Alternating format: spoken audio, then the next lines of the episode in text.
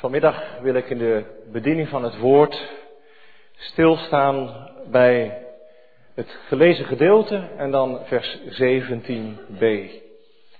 Waar we lezen, neemt het zwaard van de geest aan. Dat is het woord van God. Na het amen, straks, na de verkondiging, zingen we Psalm 86, vers 6.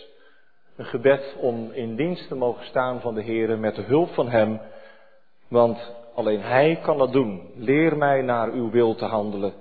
Dan zal ik in uw waarheid wandelen. Als God het ons leert, dan zal het ook met Hem gaan. Psalm 86, vers 6. Gemeente van de Heer Jezus Christus, gasten, ouderen, jongeren. Een geweldig blij moment vanmiddag wat we met elkaar meemaken. Ook wel een beetje spannend moment, want we hebben er met elkaar naartoe geleefd, maar ja, je moet er slotte voorin staan en dat is dan altijd weer iets, dat doe je niet zo makkelijk. Maar we hebben er met elkaar over gehad. Je staat hier niet alleen. Je steekt je hand naar boven. De Heere wil je steunen en op Hem kun je aan. Het is voor jullie, voor God en zijn gemeente, een beleidenis af te leggen. In aanwezigheid van familie, van je kinderen, van vrienden en van gemeente. En zij zal ook het teken en zegel van de doop ontvangen, ook jullie Matthijs. Voor ons als gemeente is het een bijzonder moment. Ook daar hebben we naar uitgekeken omdat God op een heel bijzondere manier laat zien wat Pinksteren is. Vanmorgen hebben we gezegd, Pinksteren wil zeggen dat wij niet hopeloos hoeven zijn. Maar dat God doorwerkt in zijn gemeente, waar we het van Hem verwachten. En ook voor u als ouders of kinderen, familie en vrienden is het bijzonder om dit moment mee te beleven. Als je ziet dat je kindbeleidenis doet, of dat je oudersbeleidenis doen, of wie in welke relatie ook maar staat, wat een bijzonder moment. Beleidenis doen. Maar wat is dat eigenlijk?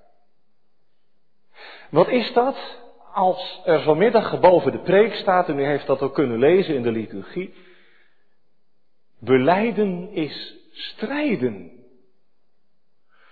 Klinkt dat eigenlijk wel aantrekkelijk? Kun je daar blij van worden? Moet je daarvoor te hoop lopen en samenkomen in een dienst? Zou je, als je dat weet, alleen al niet terug willen? En laten we dat elkaar ook maar vragen. Zou je met zo'n boodschap mensen kunnen winnen voor God? Beleiden is strijden, mij niet gezien. En toch staat het er vanmiddag boven. Beleiden is strijden. Ik zeg erbij ook strijden. Maar dat staat er niet om ons af te schrikken. Dat staat er niet om ons weg te houden. Maar dat staat er juist omdat de Heere God jullie vanmiddag en, en ook ons allemaal midden in de werkelijkheid van het leven, die een strijd is op zich al, Midden in de werkelijkheid van het leven, van zonde en wonden, van moeite en aanvechting en strijd, dat de Heere God juist daarin, met dit woord, je wil troosten. Een houvast wil geven. O zeker, ook aan wil sporen. Er staat heel nadrukkelijk in dit gedeelte, neemt dan aan. Met andere woorden, dat moet je wel doen. Dat moet je niet vergeten. En toch reikt God ons van boven het middel aan waarmee je verder kunt. Beleiden is strijden met het zwaard van de geest dat je wordt gegeven om daarmee te leven. Dat zijn niet precies drie punten achter elkaar, maar dat is de lijn die door de preek als het ware heen loopt. Beleiden is strijden met het zwaard van de geest dat je wordt gegeven om daarmee te leven. Strijden. Zwaard van de geest. Voor de mensen die vanmiddag voor ons te gast zijn, wil ik zeggen dat we als gemeente al enige tijd met elkaar stilstaan bij dat wonderlijke beeld uit het gedeelte dat we gelezen hebben uit Efeze 6. Het beeld van een Romeinse soldaat in volle uitrusting. Paulus had hem zomaar voor ogen en schildert hem als ware in zijn woorden. En een Romeinse soldaat in volle uitrusting, niet onderuitgezakt in de mes, maar paraat. En met dat voorbeeld, gemeentegasten, wijst de Bijbel ons op een geweldige realiteit. Namelijk deze. Wie bij Jezus hoort, krijgt te maken met strijd. En laat ik er maar direct bij zeggen, dat ligt niet aan Jezus. Maar dat ligt aan zijn tegenstander. Die tegenstander waarvan Paulus schrijft, dat zijn geen mensen van vlees en bloed. Daar kun je het al moeilijk genoeg mee hebben trouwens in je leven. Maar daar kun je op een gegeven moment nog wel tegenaan. Maar dit zijn geen mensen van vlees en bloed, het zijn overheden, machten. Het is de tegenstander waar de Bijbel duidelijk over schrijft, dat die er altijd op uit is om dat werk van God, van Jezus Christus, te verstoren. Tijdens zijn leven op aarde, maar ook daarna als dat evangelie wordt verkondigd. Een tegenstander trouwens, en dat is misschien nog wel het allermoeilijkste voor ons dan, die heel goed weet dat iemand die bij Jezus hoort niet ineens een keer een held geworden is. Die onaantastbaar door het leven gaat en die voor de rest niets meer kan overkomen. Die heel goed weet dat iemand die bij Jezus hoort een zwak mens is en zwak blijft. En dat maar al te goed jou wil aanwrijven. En dat je geneigd bent tot zonde. Paulus schrijft, gemeente, gasten, dit aan de christengemeente in Efeze. Het is een hele kleine gemeente in een hele grote havenstad. Bruist van het leven. Hoe zijn die mensen christen geworden? En eenvoudig, door het woord van God dat Paulus aan hen heeft gebracht. Hij is er naartoe gegaan. Met een schat onder zijn arm. En heeft gezegd, ik wil jullie wat vertellen. In jullie leven wil ik binnenkomen. Wil God binnenkomen. In jullie leven dat uitzichtloos was. En in de tekst lees ik dat dat woord van God alles te maken heeft met de Heilige Geest die op de Pinksterdag is uitgestort. Het feest dat we vandaag vieren. Maar er moet één ding duidelijk zijn. Dat is dat het in dat woord van God, in de Bijbel dus, niet gaat om letters. Maar dat het gaat om de persoon achter die letters. Dat het gaat om God die boven. De geest heeft jullie op een heel verschillende manier tot dit moment gebracht. Heel bijzonder. Zo doet God het. Iedereen gaat weer een eigen, krijgt een eigen weg. Allemaal verschillend. Heel jong soms al begonnen. Heel geleidelijk. Maar soms ook heel plotseling. Met grote kracht. Waarvan Psalm 116, die we net gezongen hebben, iets uitdrukt. Maar hoe je leven ook vanmiddag gegaan is, vanmiddag geldt jullie allemaal de vraag: wat ga je nou tegen hem zeggen vanmiddag, tegen God? Ga je nou vanmiddag zeggen, Heere God, dan hebben we met z'n zessen, er waren nog meer, er waren nog meer die de lessen samen gevolgd hebben. Gaan we nou vanmiddag tegen de Heere God zeggen, Heere God, nou zijn we voor genoeg getraind om voortaan verder te kunnen. Als gelovigen het te kunnen redden.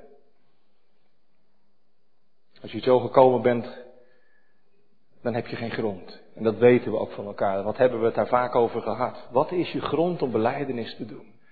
Nooit jezelf. Wij zwakke mensen, zondige mensen. Er is maar één grond.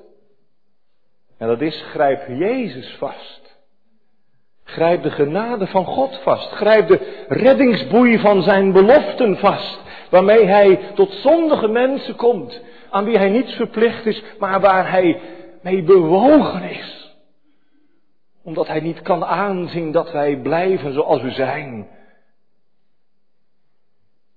En die belofte, die wil hij ook onderstrepen vanmiddag. Heel bijzonder in het teken van de doop het water aan het voorhoofd zal worden aangebracht van Zijen, van Matthijs. Wanneer God zegt dat is nou mijn handtekening onder de beloften van het woord, Dat het waar is dat je erop aan kunt, dat je nooit te vergeefs op mijn beloften zal bouwen. Het wijst naar mijn bloed en het kruis. Gemeente, gasten, misschien zijn er onder ons die een bepaalde voorstelling hebben van wat geloven is. Misschien denkt iemand wel middag wel dat, het, dat, dat is eigenlijk niks voor mij. Ik weet daar niks van en het is allemaal veel te moeilijk. En laat ik u nou vanmiddag heel eenvoudig mogen zeggen. Namens God.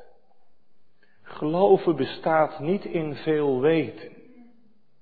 De meest eenvoudige kan erbij. En al helemaal niet in veel kunnen. Maar geloven is God in Jezus Christus vastgrijpen. Laat ik het nog anders zeggen. Geloven is je laten vastgrijpen. Je laten vastgrijpen. Door die handen die vanmiddag ook in het woord naar ons zijn uitgestrekt. Die zijn woord geeft dat vol is van de Heilige Geest. Nou, dat is nou het levensgeheim van de gemeente in Everse gemeente. En wat is nou het bijzondere van dit gedeelte? Dat is dat je, dat je dan mag weten dat deze God je dan ook nooit meer in de steek laat. En niet zegt, nou, vanaf vandaag redden jullie het vast wel. Want de Heere God weet heel goed dat je dat nooit zult redden. Hoe zul je dat kunnen? Hoe zul je dat kunnen als je, als je juist dan, juist dan te maken krijgt met alles wat het geloof verstoren wil. Weg wil houden, uit je handen wil nemen. Gedachten die God zonde noemt. Misleiding die je leven binnenkomt. Heel vaak via mensen, via beelden, via berichtgevingen, via gesprekken. Maar dat daarachter, wat Paulus noemt, de geestelijke kracht zit van de boos, van de boze. Van de duivel en zijn rijk, van het kwaad en de zonde. Een tegenstander die zelfs zo sterk is dat de sterkste tyfoon hem kan, niet kan overtreffen. Het is een geestelijke tegenstand. En hoe, hoe kan een kerk, hoe kan een gemeente, hoe kunnen jullie het geloof overleven en als je erachter komt dat een gelovige op zichzelf aangewezen helemaal geen held is? Maar een grote verliezer. Een verliezer omdat je hart blijft haken naar dat verkeerde. Ook naar het doen van beleidenis. En omdat er dingen in je leven kunnen gebeuren die je zomaar aan de grond kunnen zetten, je verbijsterd met de handen in het haar kunt laten zitten en zeggen, Heere God, ik begrijp hier niets van. Waar jullie allemaal wel iets van weten. En daarom zegt God vanmiddag, tegen jullie en tegen ons allen. Wat jij nou niet kunt. Wat jij niet hebt. Wat je trouwens niet eens verdient. Dat heb ik. Dat kan ik. Dat wil ik. Ik heb hier iets waarmee je veilig kunt zijn. Een complete wapenrusting zelfs. En dat hebben we gelezen. Een gordel van waarheid. Waarmee je uit de voeten kunt. Een borstharnas, zeg maar, een kogelvrij vest waarmee je hart beschermd is. Schoenen van het evangelie waarop je stevig staat. Een schild van geloof. Dat bestand is tegen de meest vurige pijlen van de boze. Een helm van heil waarmee je beschermd bent achter mijn helende handen. En tenslotte ook nog dit zwaard. Een geestelijk zwaard. Het woord van God. Het woord dat vol is van Gods kracht. Omdat het het woord van de geest is. Doorademd. En van dit woord zegt, als je, als je daar, als je de vijand jou aanvalt, dan kun je hem daarmee tegenhouden. Dan kun je hem zelfs verjagen. Zo sterk staat het er. Met het zwaard van de geest. Mijn geest, zegt God. Gegeven om te leven. Zwaard. Dat is wel, wel heel opmerkelijk trouwens. Heel opmerkelijk, want al die andere onderdelen waar we als gemeente inmiddels al bij hebben stilgestaan, daarvan moet je zeggen, dat is pure bescherming. Een helm, een borstwapen, een schild. Ik hoef geen tegenstanders te overwinnen. Dat, dat kunnen wij ook niet. Dat heeft de Heer Jezus al gedaan. Maar dat zwaard, is dat dan toch iets waar ik zelf een beetje aan moet bijdragen, zelf moet vechten? Kunnen wij strijden met het woord van God? Ik moet helaas zeggen dat dat maar al te vaak gebeurt. Dat mensen elkaar bestrijden met het woord van God. Elkaar ermee steken als een zwaard. En wij schamen ons ervoor dat dat gebeurt. U toch ook, hoop ik, broeders en zusters. Want dat onteert de naam van God. Maar hoe dan? Moet ik God dan helpen bij het overwinnen van het rijk van de boze en van mijn eigen leven, van de angst en van de machten die in je leven kunnen komen? Is het dan niet waar wat in de Bijbel staat? Wat God zegt, ik zal voor u strijden en u zult stil zijn. En toch zegt Paulus, neem dat zwaard ter hand. Want het is niet mijn zwaard. Het is zijn zwaard. En het zijn geen lemmers, geen scherpe messen die elkaar kunnen doden. Het is het woord. De Bijbel. Hier een boek. Het woord van God. Het woord dat vol is van Hem naar wie de Heilige Geest verwijzen wil van de Heer Jezus Christus. Hij die overwonnen heeft. Die de straf gedragen heeft. Neem het zwaard aan, gemeentegasten en jullie die beleidenis zullen doen. Wat is dat zwaard nou anders aannemen dan Jezus vastgrijpen? Jezus vastgrijpen. Jezus vastgrijpen aan wat Hij aan ons aanreikt. Zijn genade, Zijn vergeving, Zijn liefde. En die naam is zo sterk dat Hij laat weten, als je mijn naam ook maar aan enige vijand voorhoudt en daarachter wegschuilt, en wetend dat je mij daar helemaal in nodig hebt, dat je zelf niks kunt, weet dan dat hij geen vat op je heeft. Want dit woord zegt me dat Hij voor mij gestreden heeft. En dat ik daarom stil hoef te zijn. Maar moet het wel hanteren. Moet er wel vastgrijpen. Dan mag de vijand weten dat hij geen recht meer op me heeft. Dan moet hij weg. Dan kan ook die twijfel weg. Die bestrijding uit je eigen hart. Die je maar bespringt. gemeentegasten, zonder dat geloof in Jezus ben je onbeschermd. Laten we dat vanmiddag heel eerlijk zeggen. Dat is ook wat God ons wil zeggen. Zonder dat geloof in Jezus Christus ben je onbeschermd. Leef je onder de gevolgen van de zonde, van de toren van God.